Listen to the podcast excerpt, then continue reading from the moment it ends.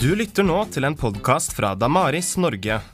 Vi ønsker å vise at kristen tro er relevant for tida vi lever i. Derfor er vi opptatt av å bygge en bro fra Bibelens verden til vår hverdag, ved å lytte nøye og søke å forstå både bibeltekstene og fortellingene i populærkulturen. Livssynsmangfoldet utfordrer, og vi vil ta utfordringa. Håper du blir inspirert til det samme ved å lytte til oss. Ser en del sånne framtidsvisjoner i populærkulturen.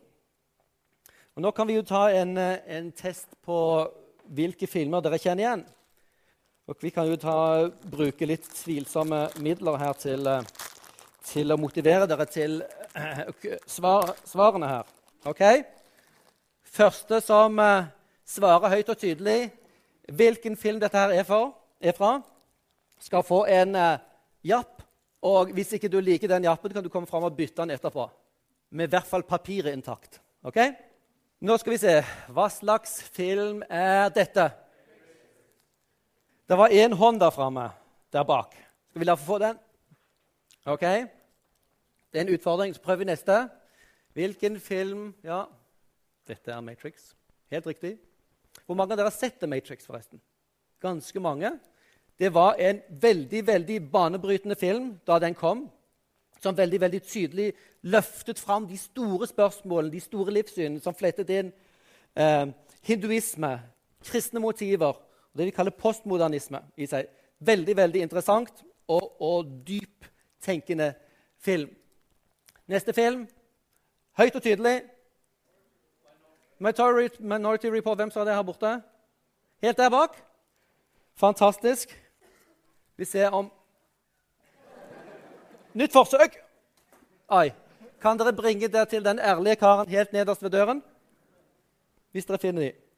Eller får dere komme fram og claim the prize etterpå. Minority Report. Og dette er jo ikke fra den normale plakaten, så det er litt en ekstra test på dere. Minority Report, spennende fortelling om eh, en tid i framtiden hvor man kan forutse alle handlinger. Og dermed kan man stoppe og man kan avlive de som eh, kan bli mordere en gang. Sant? Det er selvfølgelig et eller annet i dette systemet som eh, går feil, og hvor han må kjempe for sitt liv for å unngå å bli tatt av dette systemet. The Day After Tomorrow dette er ikke fra plakaten, men en uh, annen type plagg som hører til dette. Her er også et dystert bilde av værfenomen som muligens er kobla til uh, endring av klima som vi uh, ligger i. Vi er klar over at uh, det er i hvert fall masse påstander om at vi endrer klimaet på denne kloden. Hva vil da skje? Har vi kontrollen? Vil somrene bli så ille som de har vært nå? Det er jo undergangsfølelse. ikke sant? Dette er litt mer enn som så. Wally, der har vi gjort full pott på kloden vår. Uh, og hele kloden er en søppelhaug, og vi befinner oss da ute i universet og prøver, prøver å bygge nye sivilisasjoner om framtiden. Og denne her er det liksom tydelig at dette er vår skyld. Veien, the road. Det er også OK om dere har sett har lest boken. For en del av disse er basert på bøker. The Road er også en, en uh, dyster film etter en en enorm katastrofe, i hvert fall i Nord-Amerika, muligens over hele verden. Så går far og sønn gjennom, beveger seg gjennom amerikanske landskapet og prøver å overleve, prøver å finne, prøver å finne ny, nytt sted hvor man kan leve. Og hvor menneskene er blitt veldig kyniske. Når ikke det fins mat, så begynner de å jakte på hverandre. Kannibalisme. Hvilken visjon av framtiden ligger der her? Katastrofe ødeleggelse. Menneskets ondskap eskalerer. Så det, det er disse små lysglimtene av håp og mening, hvor den relasjonen mellom far og sønn eh, er det som måte, gir et lite glimt av, om ikke håp, i hvert fall litt grann mening, kanskje. The Road. Book of Eli. Sa du det først?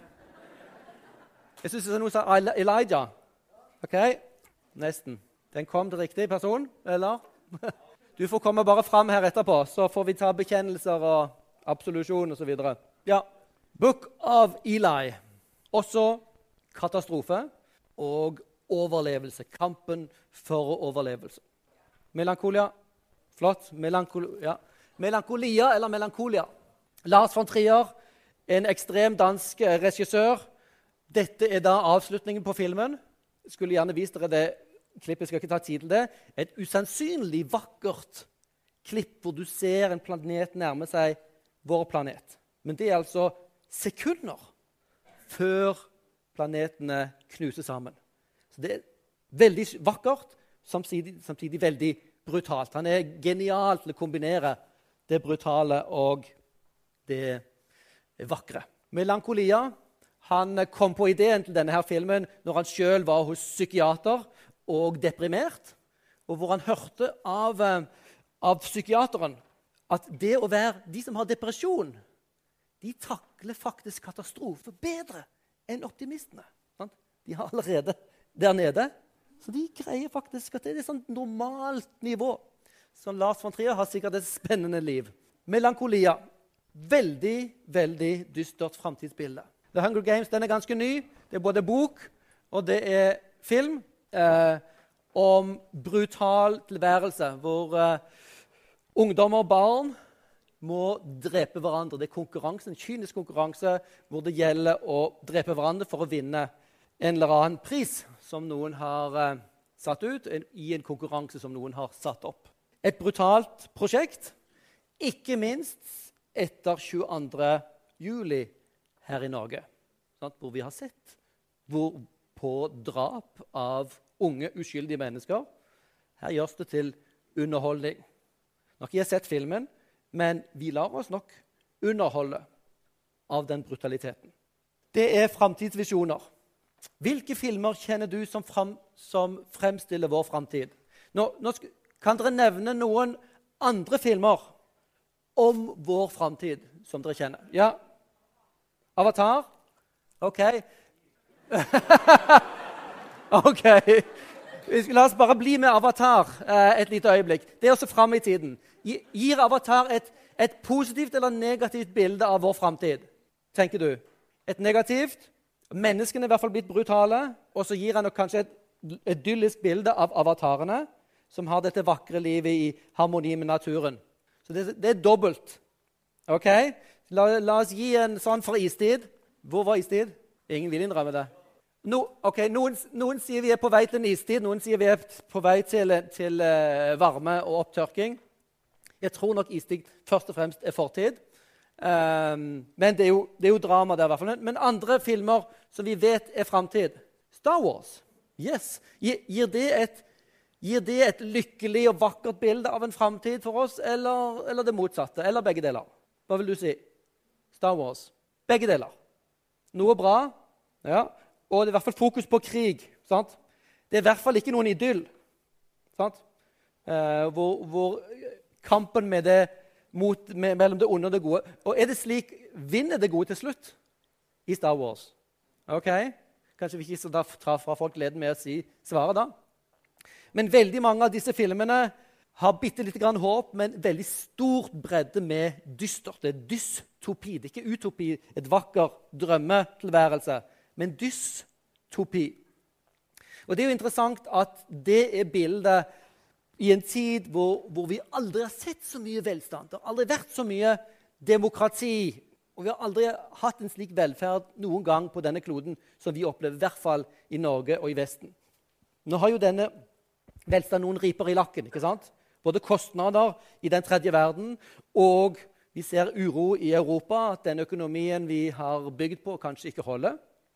Men i den tiden hvor vi har på sett og vis minst bekymringer for det materielle, så ser det både ut som vi er ganske mørke inni, og at vårt blikk på framtiden er mørk. Det kan dere reflektere over.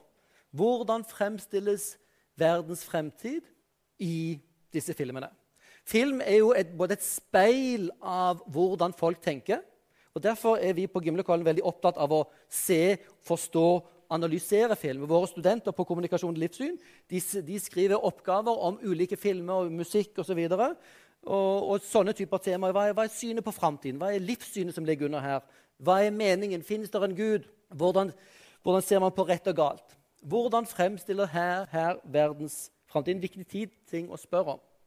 Og det er viktige ting for, for de som er troende i forhold til å tenke på hvor, hvor er disse menneskene som jeg nå lever iblant? Hvordan tenker de om framtiden?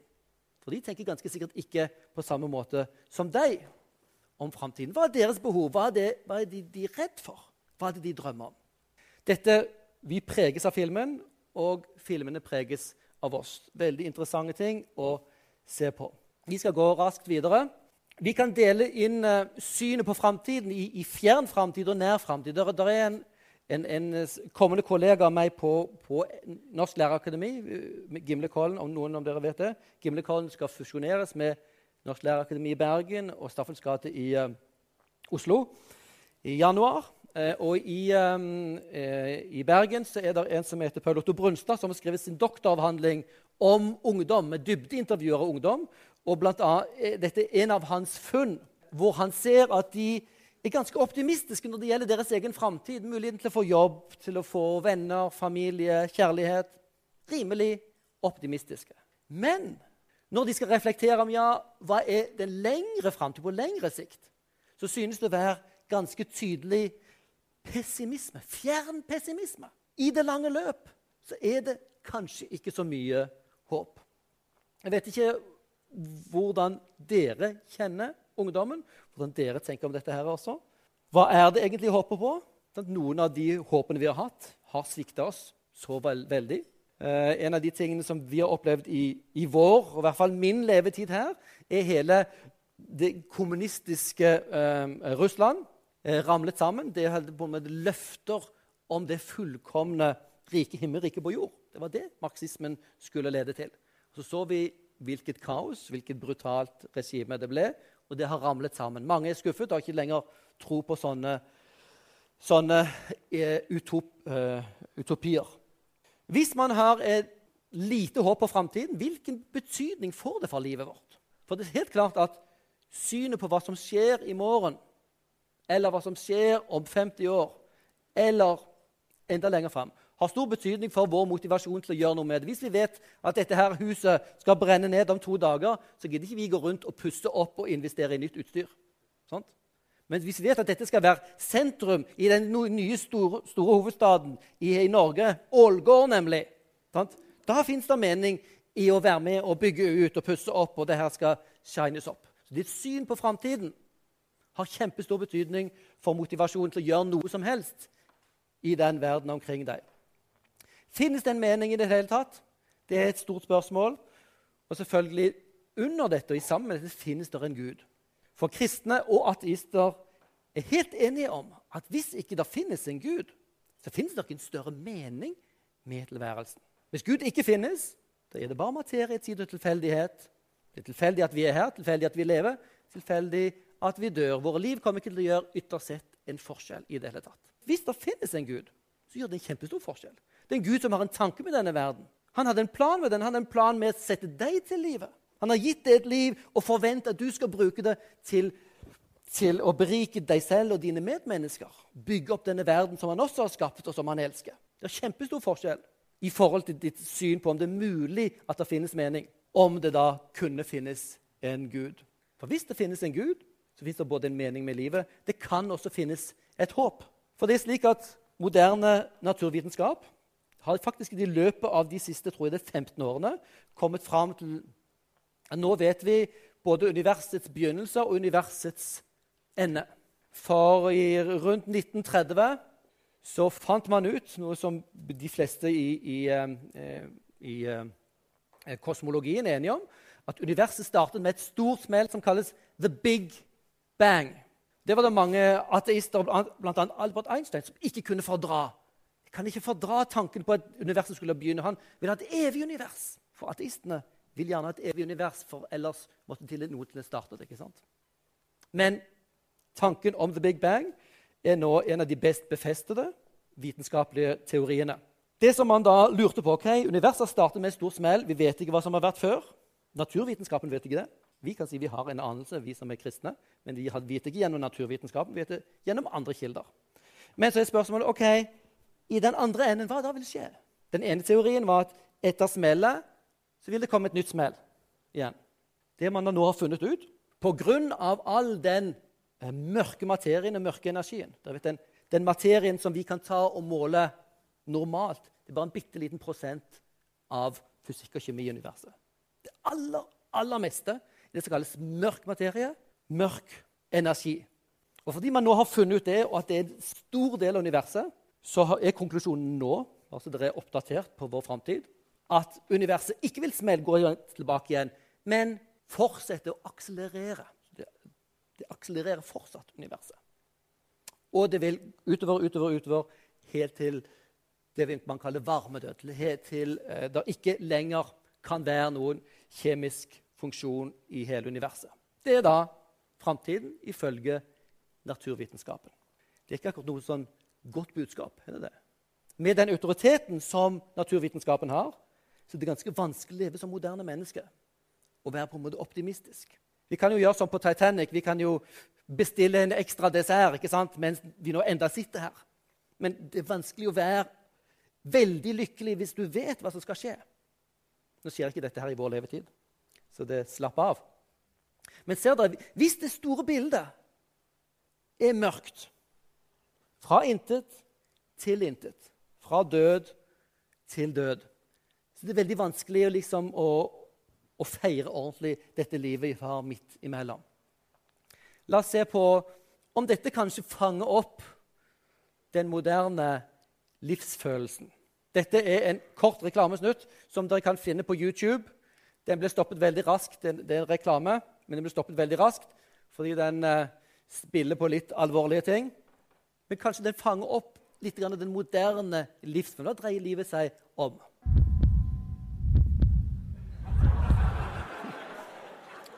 Er det ikke fantastisk? Er det ikke genialt? Jeg kan jo forstå at den blir raskt tatt av. Life is short. Ah, ok, I det kosmiske perspektivet er livet veldig kort. Hvis ikke vi vet hvor vi kommer fra, hvor vi går hen, ok, da har vi det ganske travelt. Og vi kan føle at vi er litt sånn i farta, ikke minst i vår tid med så mye Facebook, Internett. Tiden løper fra oss. Og Spørsmålet er da selvfølgelig hva er konklusjonen? Konklusjonen her er play more. Selvfølgelig de skal selge. Men det er jo bare en protest mot hvordan virkeligheten er. Sant? Virkeligheten er ikke gøy og moro. Virkeligheten er bunn og grunn død og hast og skrik og forvirring. Men vi kan spille den vekk for å glemme. Hva dersom dette er livsfølelsen til veldig mange unge? At vi har mistanke om at dette kan ha noe sannhet i seg. Da er det en stor utfordring og stor mulighet også for, for det kristne budskapet. Og Spørsmålet er jo da selvfølgelig også hva er det eh, vi kan, Hvordan skal vi se på framtiden? Hva er det kristne framtidshåpet?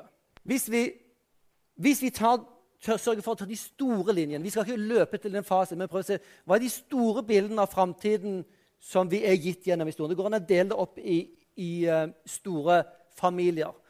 I synet på Vesten, det sekulære Vesten, så er synet utslett. Når vi dør, så dør vi. Naturvitenskapelig perspektiv. Vi er bare vår hjerne, vår kropp. Døden er død. Det er en avslutning. Det er faktisk ikke et så skrekkelig gammelt og utbredt syn, men det er veldig, det er veldig utbredt i det moderne, sekulære Vesten og de kulturene som Vesten har påvirket. Vi har syn i øst som tenker at nei, når vi dør, det er ikke livet slutt. Nei, da går vi en ny runde. Men dere må bare huske det at i Østen, i India, øh, hvor, hvor, denne her tanken kom, så var ikke dette her at ah, nå våkner jeg opp til en ny mulighet. Nei, sjelevandring det var selve lidelsens problem. Hvorfor må jeg lide igjen? For igjen inn i dette med sykdom, smerte, nød og død, elendighet. Livet er elendighet, og du må gjennom sjelevandring helt til du sonet din karma. Karmalæren. Det er jo veldig interessant at sjelevandringslæren er nå servert oss i Vesten som løsningen på våre problemer. I hinduismen og buddhismen så er jo selve religionens eh, hovedpoeng å bli frelst fra sjelevandring. sant? Slippe ut av denne sirkelen. Mens de nyreligiøse, New Age, de sier at aha, ny mulighet. De snur opp ned på en del elementer og serverer de oss som den store løsningen på verdens problemer. Men dette er i hvert fall én type tanke om hvor verden går, hvor livet går. Livet er ikke slutt ved døden. men vi lever gjennom mange liv. En veldig vanlig forestilling som er midt imellom disse her to, er det som veldig veldig mange gamle og mange folkereligioner har. Når vi dør, så dør kroppen min, men sjelen lever videre. Vi går inn i en skyggetilværelse. Det var synet som de hadde i Hellas, Roma, på Jesu tid. Det var ikke slutten når du var død. Du beveger deg over i dødsriket. Der måtte du over en elv som heter Styx. Der var det en ferjemann som ledet deg over. Når du kom på andre siden, så var det en trehodet hund som du måtte lure. Og så kunne du enten ende opp i, i Tartarus, ildested, eller noen lykkelige marker. Litt avhengig av hvordan du hadde levd, og hvordan du takla eh, gjennomgangen der. Men i Egypt, i Rom, i, i Hellas det var den generelle oppfatning av at livet er ikke slutt ved døden. Hvilken film er dette? I Gladiator ser dere dette framstilt.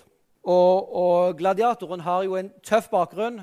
Her står det på denne plakaten My name is Maximus, husband to a murdered wife, father of a murdered son, and I will have my revenge, my vengeance, in this life or the next. På slutten av denne filmen er en veldig interessant scene som tegner opp et bilde som er veldig vanlig i veldig mange kulturer. Når vi dør Det er ikke døden, nei. Det er en ny tilværelse. Vi bare se disse korte, korte glimtene fra, fra, Gladiator. Avslutning av filmen. Han dør inne i, uh, som, som, gladiator. Bæres ut. Så ser dere han, uh, han beveger seg ut på nye marker. Ganske vakkert. Det gir litt mening med livet. En kan forstå at sånne perspektiver er veldig tiltrekkende.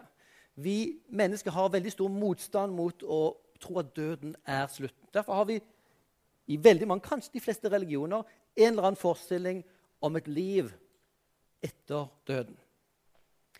Så Når vi skal spørre oss selv hva er det kristne synet på døden, som vi trenger å komme til, som vi skal gå raskt, eh, se raskt på, så er det ikke det at det finnes et liv etter døden. Det var at folk generelt trodde det på den tiden. Det de kristne kom med, var faktisk ganske mye mer radikalt. Livet etter døden er ikke noen ny ting. Tror kristne på en himmel? Vi skal til himmelen. Det er faktisk en bok inne på Lundestanden der om en liten gutt som har vært i himmelen, kan fortelle oss hvordan det faktisk er der. Det er jo litt grann uheldig, ettersom i, i, ifølge Bibelen, ifølge Nytestamentet, så sies det ikke at himmelen er stedet hvor vi skal.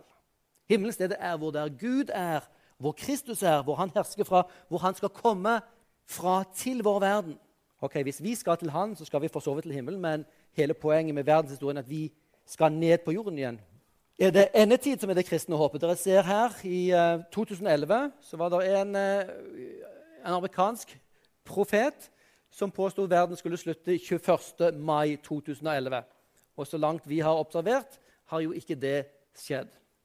Så Hva gjør dette her med folks, folks inntrykk av kristen tro? For det første kun negativt. Sant? Løp, dette her kaos, katastrofe. Det andre er at nei, nå ble vi lurt igjen. Jeg tror det er veldig viktig å være sindig i forhold til disse tingene. Og både ikke gi opp håp, men samtidig ikke bygge håp på noe falskt og på noe tvilsomt. Det kristne håp er faktisk radikalt nytt, og dette er det som forklarer oss den kristne troens utbredelse eh, og styrke i oss i den gamle verden. Det er ikke nytt om man tror på et liv etter døden. Det gjorde kanskje de fleste på Jesus og Paulus sin tid. Det radikalt nye, og som folk lo av de kristne for, er at kristne trodde på oppstandelse. De trodde at ikke vi skal bli i graven, men en dag skal Jesus komme tilbake. Han skal reise min kropp opp fra graven, og så skal jeg få leve på hans nye jord. For Grekerne syntes jo ikke dette bare var, var rart. De syntes det var uanstendig. Sant? Endelig er sjelen min blitt løsrevet fra dette her, denne slitsomme, syke kroppen. Jeg skal endelig leve fritt som sjel. Men så kommer vi fanget igjen i kroppen. Nei, antiklimaks. Men dette var det kristne budskapet. Dere ser Paulus' forkynnelse om dette her i, til atenerne i Rom. Når Paulus kom til oppstandelsen, at Jesus døde og så han sto opp igjen, så spottet de, så stoppet de talen hans. Han kom ikke lenger. Men det er det sentrale kristne budskapet. Ikke om en himmel, men om en oppstandelse. Det er radikalt nye også i begrunnelsen, ikke bare for at vi skal dit, men hvordan kan vi vite at vi skal stå opp? Jo, Det er fordi Jesus har stått opp. Og Det tror jeg, det ønsker jeg dere skal sitte igjen med her. Det kristne håpet er ikke håpet om en eller annen at det fins et liv etter døden. Det er ingen genial oppfinnelse. Det tror de fleste på i, uh, i, i religionene. Det er radikalt nye, og som er mye mer drastisk å påstå at Gud skal en gang reise opp kroppen vår fra graven. Sant? Det er det ingen vitenskapsmenn som kan forutsi, og det er umulig vitenskapelig sett. Men for Gud er ingenting umulig. Han som skapte universet, det første mirakel, holder det i live sånn som han gjør i dag, skal en gang fortsette å gjøre et nytt mirakel, skape en ny himmel og ny jord. Det er det kristne håpet, som er ikke basert på en eller annen tvilsom utregning eller vitenskapelig observasjon, men på en konkret hendelse. Dette verset her sies over alle barn som døpes i Den norske kirke, og de som gravlegges i Den norske kirke, i hvert fall fram til revisjonen av, av eh, liturgien.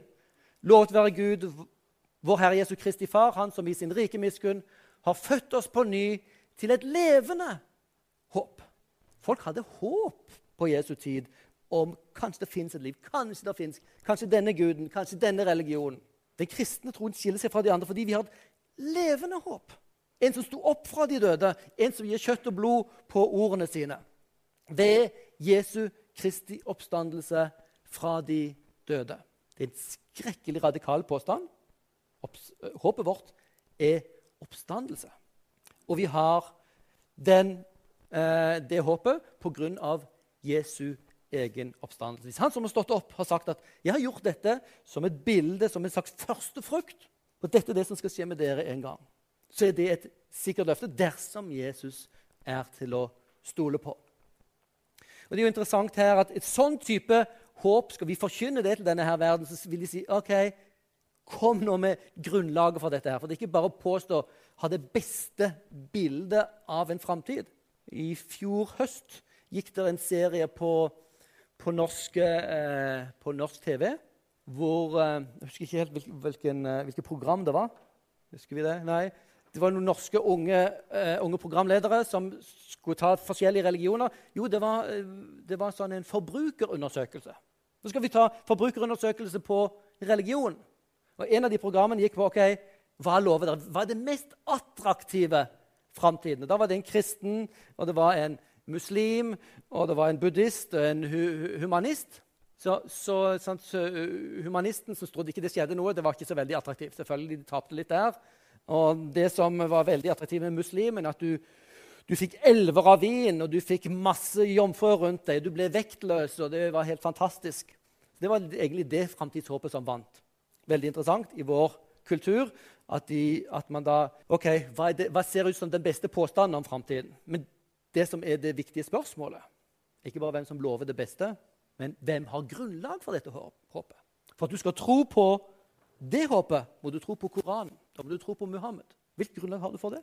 Skal du tro på oppstandelse, da må du tro på Jesus. Hvilket grunnlag er det for det? Det er et veldig godt grunnlag for. Vær alltid klar til forsvar når noen krever dette regnskap for det håp dere eier. Det kristne håpet det tvinger oss til å gi grunn for det. Avlegge regnskap. Sant? Når du påstår at noe skal skje, så vil gjerne folk gjerne se på papirene. Stemmer dette her? Og da sier Peter, apostelen, alle kristne de trenger å vite hvordan man skal begrunne dette kristne håpet. Og det er ikke så veldig vanskelig, fordi at begrunnelsen ligger i Jesu egen oppstandelse. Det er grunnlaget for håpet. Hvis Jesus har stått opp, da har vi grunn for å håpe. Den kristne store fortellingen trenger vi å minne oss selv om. Den kristne store fortellingen er fra skapelse, fall, frelse og fram til fullendelse. Hvor Gud først skapte en ting godt, som det står. Så skjedde et fall, et opprør. Menneskeheten gjorde opprør mot skaperen sin. Så ble det et brudd, det ble forrykkelse i, eh, i, i vår verden. Og så ga ikke Gud verden opp, men han sendte eh, sitt folk, eh, Abraham og sitt folk, også Jesus Kristus til slutt, eh, for å bringe oss frelse. Men Frelsen er ikke enda, men den går framover til et punkt historien hvor Gud vil en gang si nå har alle fått anledning, alle som skal få anledning, til å ta imot meg. Nå skal de få eh, nå, nå er det slutt på historien. Nå skal alle gjerninger opp i lyset, og eh, rettferdigheten skal endelig komme til syne. Og så skal Gud reise opp alle, levende og døde. Han skal holde dem til regnskap. Vil si, rettferdigheten skal en gang seire. Jeg vet ikke om dere har, Når dere, når dere hører nyheten i vår tid og På meg ligger jo Aleppo spesielt på meg disse her, uh, ukene her nå. Slag i Aleppo. Det er masse kristne i Aleppo som ligger under press fra muslimske og radikale grupper. Og uh, sekulære også. Og har det kjempevanskelig der. Men Gud bryr seg også om muslimene. En dag skal Gud stille alle til regnskap for myrderiene som skjer der. Tenk slaveriet som foregår i dag. Det er nesten 30 millioner slaver rundt omkring. Mange av de driver med sexslaveri. Det er mange ganger flere slaver enn det har vært noen ganger i historien. En dag skal Gud stoppe dette, og skal han holde hver og en som har utnyttet barn eller voksne eller andre mennesker, til regnskap. Dette gjorde du! Dette skal du ta ansvar for. Det er Rettferdigheten skal en gang komme. Og det utfordrer jo oss til å kjempe for rettferdigheten. ikke sant? Fordi det er Guds framtid. Vår vanlige forestilling, den overleverte tradisjonen vår som ikke er fullbibelsk, har denne fortellingen. Gud bor i himmelen, vi bor på jorden. Gud skapte oss her, men han vil ha oss opp til himmelen. Når vi dør, så går vi til himmelen. Går sjelen vår til himmelen. Og der er det lykke. Men hvis dere leser Nytestamentet, finner dere at dette stemmer ikke helt. For hvor blir oppstandelsen av? Hvis vi kommer til himmelen og er der med Gud, hvor blir oppstandelsen av? Hvor er den nye jord? Hvor er skaperverket og dommedag blitt av? Det som er den kristne storfortellingen som vi trenger å ha i vårt hode for å forstå sammenhengen for denne framtiden, sammenhengen mellom fortid og framtiden, er at Gud og menneskene levde sammen når Gud skapte. Gud vandret i hagen og lot Adam gjemme seg. Gud begrenset det sånn at han til og med lot Adam og Eva fortrosse han og så få lov å gjemme seg. Og De trosset han og Gud kunne ikke lenger bo blant menneskene. Gud hadde blitt kasta ut, og menneskene kastes ut av idyllen for at ikke de skal øh, øh, tvinges til å leve evig, som vil være evig helvete for dem. Så Gud, griper Gud inn i historien, først og frem, gjennom historien mange ganger, gjennom også Jesus. Og så er det en dag så skal Jesus komme igjen. Gud skal komme til sitt skaperverk. Si, 'Dette er mitt. Hva har dere gjort med det?' Han vil reise opp alle fra graven. Det er det kristne budskapet. Han vil holde en dom. Og husk at dommedag er ikke noe som er dumt. Dom er ikke dumt. Dom er det som vi må høre. Tenk på uh, Utøya. Hvis ikke det var rettssak der. Hvis ikke vi får hørt denne ble skutt, denne ble skutt. Han er ansvarlig. En dag skal sannheten seire. Og dommen må til for å kunne ha et genuint håp. Noen av oss har blitt så tilpasset det, det moderne at vi vil ha en sånn snill kristendom. Vi må ikke snakke om dom. Men husk, det finnes ikke håp hvis ikke det også er dom. Det er en ny jord. Gud skal skape en ny himmel og en ny jord. Og det er på den nye jord vi skal få bo. Det er det vi er skapt for. Det var godt. Det skal vi fortsatt få lov å gjøre. Det blir en del forandringer ser det ut, på den eh, gode jorden Gud skal skape. Men det er hans jord. Og Det står til og med i Romerne 8 og i 1. kor 15 at denne verden den, den lengter etter å bli forløst, befridd. Gud skal befri skaperverket sitt, sånn at det kan bli fullkomment når mennesket endelig har funnet sin plass igjen under sin skaper. Den nye jord. Da skal mennesket og Gud igjen være sammen. Gud skal bo iblant dem. Det er det framtidshåpet som vi har. Hvor det også er sammenheng mellom skaperen og han som skal bringe framtiden. Det er kjempeviktig å, få, å, å, å, se det store bildet i Bibelen når vi leser Bibelens framtidsbilder. Eh, det kristne håp, oppsummeringsvis, det kristne håp har et innhold som både holder fram dette med rettferdighet Dom. Gud skal bringe rettferdighet. Det gjør han ved å dømme, ved å holde oss ansvarlig. Det kristne budskapet er at den dommen har allerede skjedd i Jesus Kristus. Hvis du tar imot det han gir deg der, da er du erklært uskyldig. Rettferdiggjort, som det heter.